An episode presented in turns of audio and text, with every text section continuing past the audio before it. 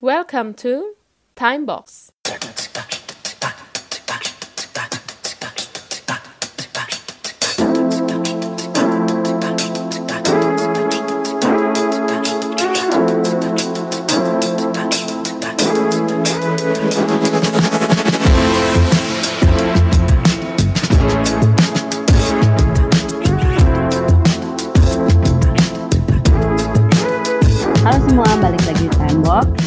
Gimana kabarnya? Mudah-mudahan sehat-sehat semua ya. Tian, Tian, gimana uh, dengan masa-masa WFH gini? Udah mulai bosen kah? Udah mulai stres? Udah Atau- mulai menggila saya sih sebenarnya. Oke, Dinar gimana Dinar? Nggak bisa Aku sih menikmati aja karena aku kan suka tidur ya. Jadi sekarang makin banyak jam tidur aku. Alhamdulillah. Ah, ini sama sekali nggak ada WFH WFH gitu Nar ya. Oh ya, Dinar nggak ada ya. By the way kita ini rekamannya ini ya eh, at home ya, at Ya. home. Karena Iya. masih social distancing. Social distancing, rekamannya di betul. rumah masing-masing. Oke. Eh, Gimana? kit- eh, banyak juga sih nih ya aku lihat di LinkedIn, di Facebook, di Twitter yang udah mulai pada nggak betah untuk WFH. Nah, mereka bilang lebih senang kerja dari kantor. Nah, itu kalau dari sisi si eh, people-nya. Tapi dari sisi bisnis juga ya, yang aku lihat nih banyak yang eh, beride ngerubah kayak merubah cara apa ya? cara mereka berkantor gitu. Contohnya nih ya, aku tadi Hmm. lihat di uh, LinkedIn ada namanya eh dari Fi- Feine- Feiner, si Hmm. Gary Vaynerchuk lah itu ya, aku susah namanya. Oh iya iya, iya. aku tahu Nah, si itu kan. Itu ya. Nah, di dua dia eh, liatin videonya. Di 2007 dia bilang dia nggak akan pernah memperbolehkan karyawannya untuk remote Hmm. karena remote Maksudnya re- remote tuh kerja di luar Ya. di di luar di kantor da- eh, di luar kantor. di luar kantor ya. Ya. Hmm. karena remote itu eh menurut dia itu ya nggak bisa gitu karena orang itu ya harus kalau mau dinamis itu ya harus eh, tinggal di satu tempat harus dibarengan semuanya harus Hmm. ada di satu tempat gitu kan itu di 2007 nah setelah ada corona ini Hmm. otomatis kan dia harus remote ya Oke. Nah, dia berubah 180 derajat pandangannya. Kata dia, saya sekarang sangat menyukai remote. Kalau saya tahu ternyata remote lebih produktif, mungkin dari dulu saya bakal eh, menyarankan pegawai saya remote. Kenapa dia bisa berubah? Karena dia merasakan remote itu atau Iya, dia Apa ngerasa lu? kayak kayaknya di dengan remote ini semua tuh jadi lebih terstruktur gitu. Terus dia bilang Hmm. semua meeting, semua kegiatan harian dia itu tuh bisa dikerjakan dalam satu hari. Dan ini sih tapi agak yang kurang bagus juga sih menurut aku. Dia pas remote itu ker- jam kerjanya dari 11 sampai 12 jam sehari. Jadi Wow. pekerjaan dia tuh cepat selesai gitu. jadi dia eh, dia mengapresiasi WFH pun karena terpaksa ya. Ya, Jadi karena karena terpaksa karena keadaan akhirnya dia Hmm. coba dan ternyata menurut dia efektif. Mm-mm. Oke, tapi sebelum ngomong ke situ ya, eh, ini ngomongin soal WFH gitu ya, soal remote gitu kerja di dari rumah lah istilahnya. Em, apa sih yang apa ya? Apa yang bikin aku ngerasa ini udah aku udah mulai tidak sehat nih gitu ya. Hmm. Tidak sehat secara pikiran Mental ya? gitu ya. Iya mentalnya udah mulai kayak terganggu gitu loh. Maksudnya Ya Allah, Tian. enggak maksudnya eh, ke- kebiasaan terbiasa datang ke kantor gitu ya, datang Ketemu orang gitu ya. ketemu Hmm. orang gitu dan diam di rumah sebenarnya eh ya mungkin ini karena kondisi di rumahku juga ya kak. Kebetulan di rumahku banyak orang dan eh, gangguannya tuh sangat beragam gitu sampai hal-hal yang kecil sampai hal-hal yang besar gitu yang kadang mengganggu konsentrasi. Dan aku ngobrol dengan teman-teman yang lain juga ya eh, mostly kebanyakannya gangguannya seperti itu. Tapi ada temenku juga yang baru kayak si Rovan nih. Si Rovan Hmm. kan mereka baru eh, apa keluarga baru nih belum punya Iya. anak dua-duanya dan udah tahu gitu mereka dua-duanya kebetulan kerja di tech jadi tahu kerja remote tuh kayak gimana mereka bisa Hmm. efektif jadi Hmm. pagi-pagi mereka uh, si Rovannya kerja sendiri, Iminya kerja sendiri gitu di, di satu momen jam istirahat baru mereka bisa ngobrol lagi. Selama kerja itu mereka katanya jarang banget ngobrol gitu kan dan walaupun mereka dalam satu ruangan gitu, tapi menurut mereka itu efektif banget. Cuma kalau kayak aku di rumah ya, itu nggak efek, efektif karena ya pertama aku uh, apa ya cowok gitu ya, hmm. jadi banyak yang lagi banyak disrupt yang minta tolong ini, minta tolong itu, itu yang lebih ya, angkatin galon gitu ya. Hmm, hal-hal kayak gitu. Nah, Walaupun aku sebenarnya udah bikin, udah ngasih tahu ya, kayak misalkan aku lagi kerja ya, uh, nanti kalau mau ganggu misalkan jam uh, 12 pas break gitu. Tapi ya tetap aja sih kayak udah gitu di belakangnya kasur gitu kan ngeliatin kasur bawahnya pengen tidur mulu ya kan? pengen berbaring pengen berbaring gitu ya pengen rebahan. kan kita generasi rebahan. Atau mungkin ya karena memang sekarang keadaannya ya harus di rumah. Kalau dulu nih waktu kita di WGS gitu kan sering banget remote. Tapi kan remote-nya nggak dari rumah juga Ya kadang dari Iya, karena itu kita bosan. Mall. Karena kita itu kondisinya kita bosan hmm. datang ke kantor. Iya. Kita mau cari suasana baru. Kalau hmm. ini memang dipaksa di satu tempat sih, bisa jadi itu yang bikin bosan.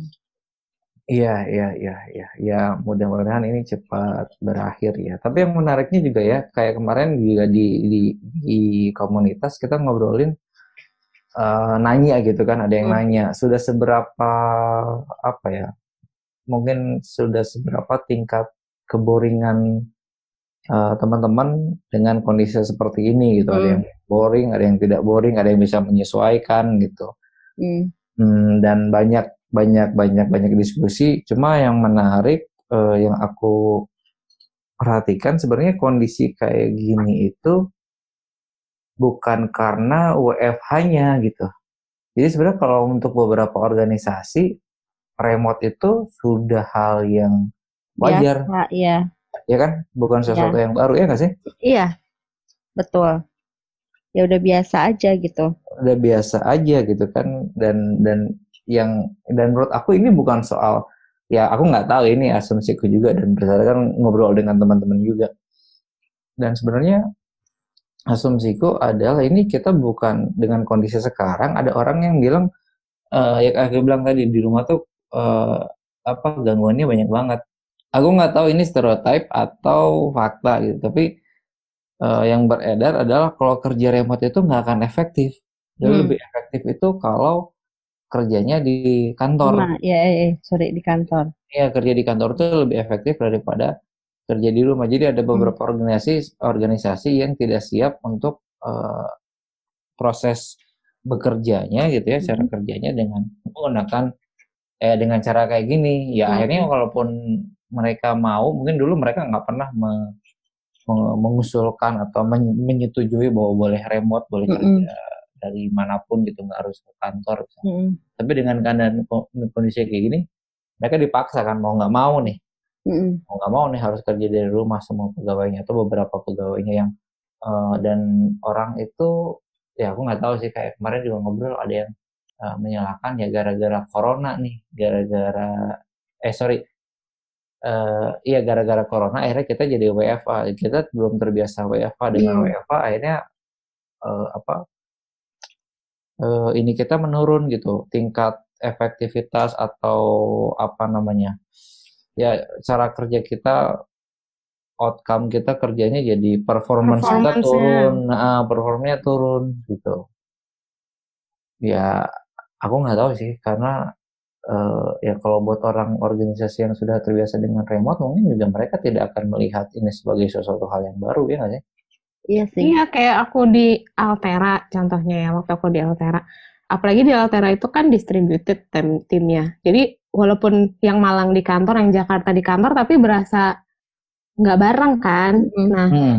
ya Altera itu udah uh, sangat terbiasa dengan apa uh, model yang kayak gitu dengan remote gitu. Hmm. Nah, makanya kemarin juga sempet ya di di komunitas uh, siapa Mas Adit dari Altera kan sempat share juga di di kita malah kayak merasa ini lebih uh, efektif, efektif kerjanya gitu hmm. kan, lebih banyak benefitnya kalau yang dirasain sama uh, Mas Adit ke dari Altera ya. Ya mungkin karena tadi sebenarnya udah kita udah terbiasa. Jadi pas sekarang harus uh, full remote atau full WFH ya nggak masalah juga. Mungkin yang jadi masalahnya ya perkara bosennya aja karena kan ya. biasanya WFH cuma dalam seminggu mungkin sekali atau dua hmm. kali gitu kan. Hmm. Kalau sekarang ya harus setiap hari minggu, tapi cuy. tapi efektivitas kerja sih kayaknya kalau yang udah terbiasa emang nggak nggak nggak terganggu ya gitu. Ah. Ya, iya, iya, iya, harusnya nggak terganggu. Tapi ya, uh, aku pernah waktu itu di kantor pernah ngobrol-ngobrol juga sih sama uh, ada engineering manager Jordan. Dia sempat uh, mikir gini. Jadi waktu sebelum ada corona jauh sebelum ada corona dia memang uh, punya uh, visi uh, nanti orang itu bisa kerja dari mana aja. Terus dia bilang hmm. mungkin nanti di lima tahun yang akan datang bisa jadi banyak startup startup yang nggak punya kantor. Kalau kita nggak hmm. ngebiasain diri kerja WFH, nggak ngebiasain disiplin gitu ya, walaupun WFH tuh harus tetap disiplin, mungkin nanti kita bisa jadi ketinggalan. Nah terus aku mikir bisa bener juga sih. Mungkin ke depannya karena biaya kantor mahal, mungkin karena biaya gedung mahal, ya akhirnya kan bisa pada WFH. Iya betul betul dan ya, mungkin juga kayak kondisi kayak gini ya kayak sekarang hmm. ya kayak yang istilahnya pandemi ini yang yang ya kalau aku bilang ini udah chaos gitu. Yang hmm. namanya chaos kan ya udah bisa datang kapan aja gitu kayak tukang yeah. parkir tiba-tiba nongol gitu. Ya menurutku memang kondisi kayak gini yang nggak bisa kita prediksi sama sekali gitu ya. E, ya memang kupikir ada ada ada cara-cara tersendiri di mana company-company yang kita bilang masa kini gitu ya, hmm. orang bilangnya perusahaan-perusahaan kekinian gitu yang hmm yang mau tidak mau akan terbawa oleh zaman uh, teknologi semakin maju sekarang yang tadi bilang si Jordan bilang mungkin ke depannya udah oh, nggak oh, ada lagi kantor orang kerja remote dan segala macam ya ini sebenarnya challenge gitu kan yeah. Iya. uh, challenge buat organisasi organisasi yang belum terbiasa uh, apa istilahnya ya bekerja dengan cara seperti itu yeah berubah drastis lah caranya ya. Berubah drastis. Cuma yang yang yang lebih menarik ya kayak lebih menarik perhatian aku kayak aku ngobrol dengan uh, dengan dengan Jos aku sepakat dengan dia gitu. Jadi sebenarnya kalau kondisi sekarang, kalau nggak salah siapa ya waktu itu nanya ya di di di grup itu ada yang nanya dengan kondisi kayak gini apakah uh, level ekspektasi manajemen itu harus ikut oh, ya. berkurang gitu ya. atau enggak ya. Atau uh, iya atau enggak gitu. Nah, uh, buat beberapa organisasi yang sudah terbiasa melakukan remote kepada pegawainya, mungkin akan berpikir ah, kayak misalnya Altera, ah, ini bukan sesuatu yang baru buat kita. Ini udah hmm. uh, ya anak-anak atau pegawainya sudah biasa. sudah tahu, sudah biasa dengan cara kerja remote. Mungkin yang jadi tantangan challenge-nya tadi uh, rasa bosan segala macamnya. Tapi uh, menurutku ini kondisi ini tuh bukan soal perkara organisasinya sudah terbiasa dengan WFA atau tidak, tapi ada faktor pandemi tadi itu gitu. Hmm. Kayak aku kayak bercanda dengan teman-teman teman dengan teman ngomong ini tuh kayak gladi resiknya kiamat gitu loh. Hmm. Terus dia terus dia bilang lah hmm. kemarin si apa ini tsunami korbannya lebih banyak gitu. Itu hmm. namanya apa gitu? Ya tsunami itu lokal gitu, epidemi yeah. ya kalau atau wabah aku lupa. Kalau ini tuh pandemi, gitu, pandemi gitu global, ya. global. Jadi artinya uh, orang itu bukan hanya membiasakan diri untuk bekerja di rumah, kemudian mencari cara untuk tidak bosan, tapi satu sisi juga dia harus survive gitu loh hmm. tidak kena si virus ini gitu dia iya, mungkin benar. mikirin keluarganya mikirin apa mungkin teman-temannya juga gitu keluarganya yang jauh entah di mana maksudnya dengan mereka kerja seperti ini itu kayak aku sendiri aku punya rasa khawatir sih gitu karena kebetulan orang tua orang tua gue juga punya background penyakit yang tidak begitu baik gitu jadi hmm. ya, walaupun kita diem tetap di rumah uh, nggak keluar sama sekali orang tuaku dan uh, sama sekali menjaga uh, pola makan kesehatan segala macam tapi aku tetap worry gitu tetap punya hmm. khawatir jadi kerja tuh memang ah, gimana ya kayak uh, kayak punya ketakutan tersendiri yang secara tidak sadar gitu hmm. Tapi kalau aku pikir-pikir, oh ya memang ini uh, satu sisi ya karena aku takut saat, uh, orang tua aku kena gitu, orang tua aku kena kena kena virus ini. Jadi aku uh, mikirnya juga bukan hanya soal bagaimana aku bisa bekerja dengan baik dengan perform, tapi aku juga mikirin soal keluarga aku nih hmm. di belakang kayak gimana. Jadi ya menurutku ini bukan soal bukan bukan soal terbiasa atau tidak terbiasanya WFH tapi juga di luar itu ya mungkin uh, kita sebagai pegawai dan orang-orang yang punya jabatan di atas kita yang apa sebutnya manajemen segala macam hmm. juga mungkin cara berpikirnya harus disamakan dulu nih kalau misalkan ngomongin level ekspektasi performance ya kupikir wajar ya menurut gue wajar akan turun wajar turunnya ya. itu bukan karena remote-nya bukan karena WFA-nya hmm.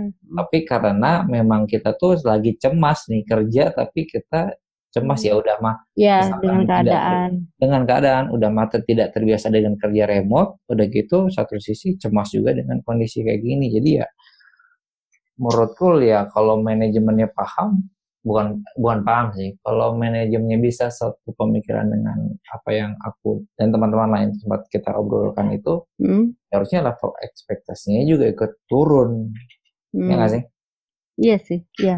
Iya jadi bukan masalah ya bukan masalah biasa apa tadi biasa atau tidak biasa tapi ada faktor adaptasi juga sama keadaan di uh, luar pekerjaan ya Iya, iya, iya. Di, ya karena kita bukan hanya kalau sekedar remote ya, remote ya sudah remote ada or organisasi yang sudah terbiasa remote, ada hmm. organisasi yang tidak kan. Ya kalau misalkan soal remote dan tidak remote itu tergantung or, eh apa soal mengakali dia betah remote atau tidak itu kan tergantung orangnya ya. Hmm.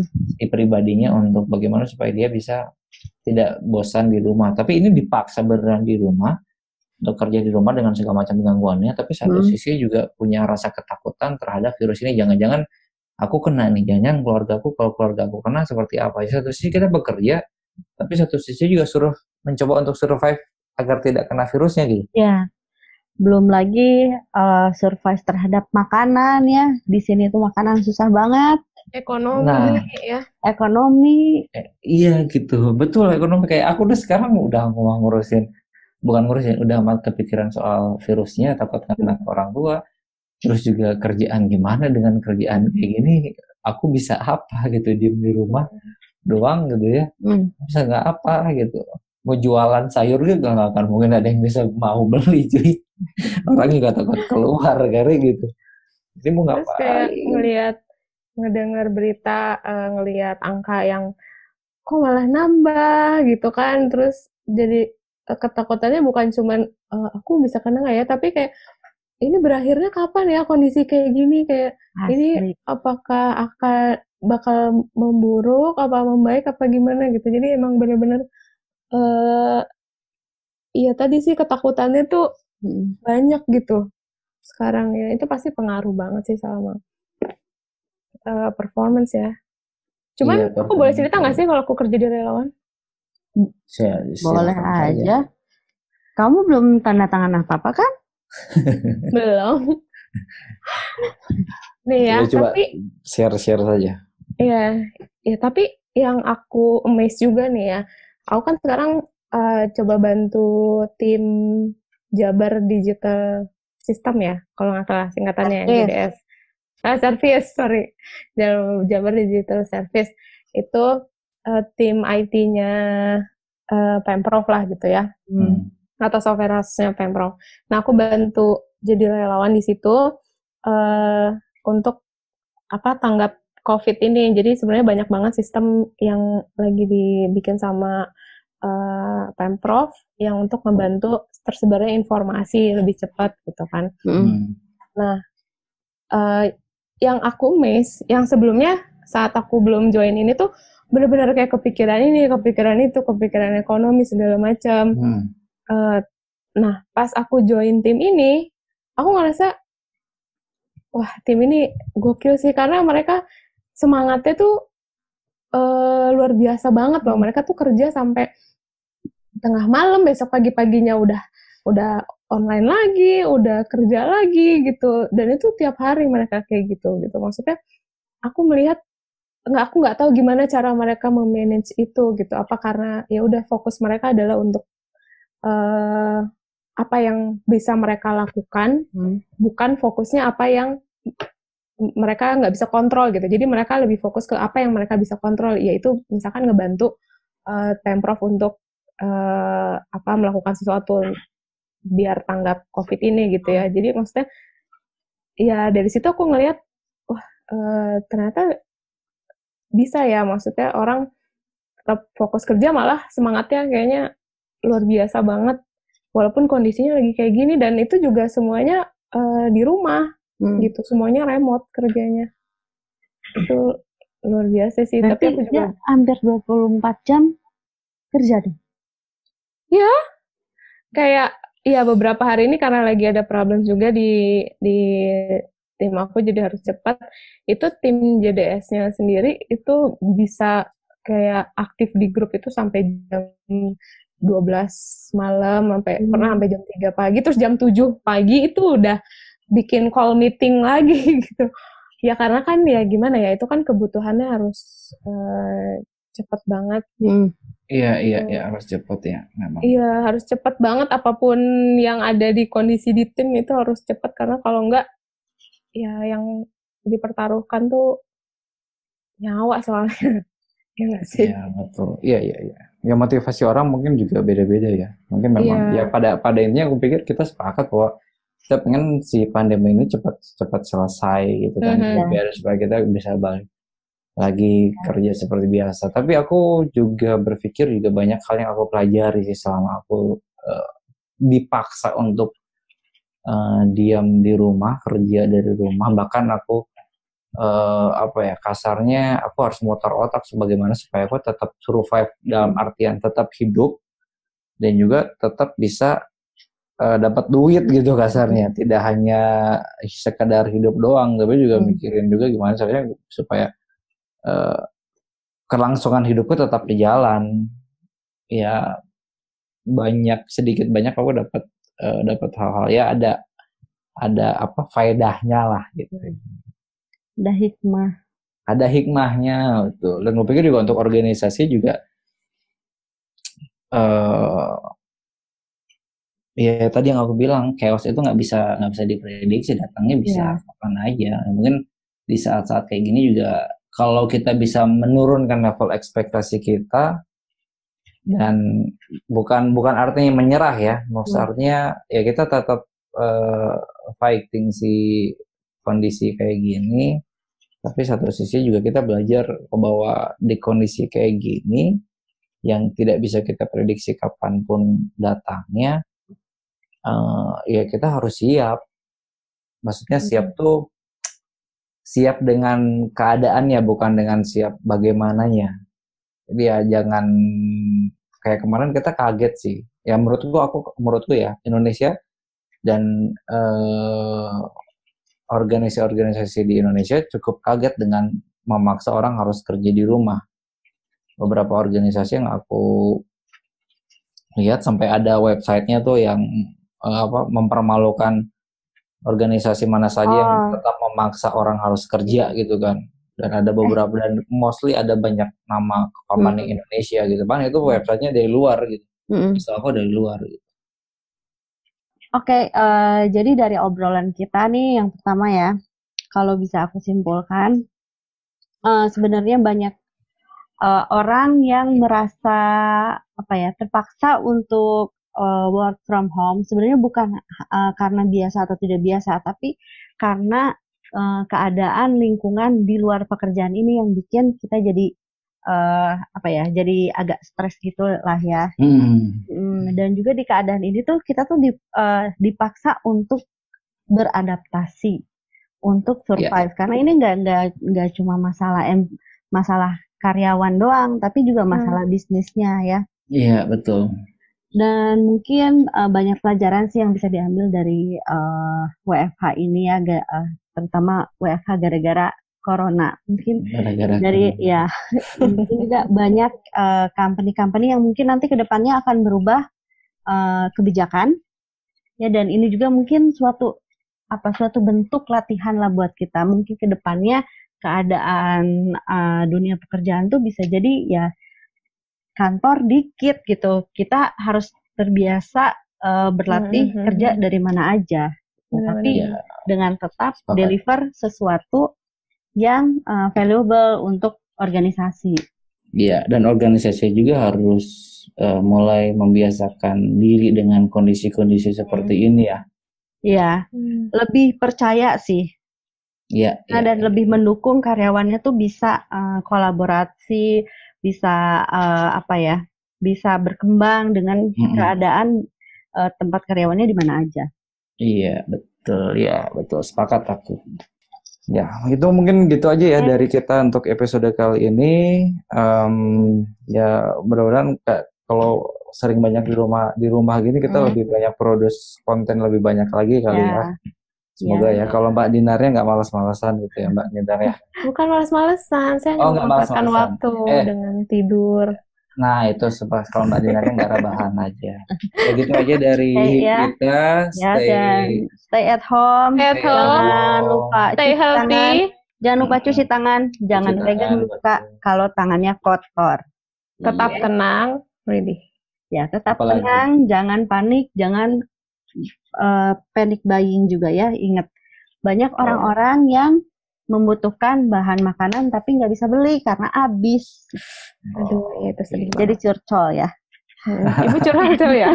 Apalagi bojong soang ya. Iya.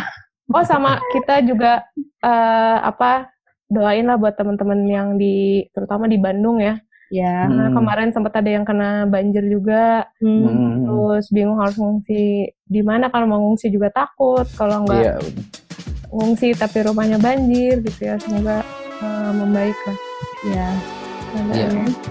Oke, gitu aja dari kita. Sampai ketemu di episode selanjutnya. Dadah. Bye.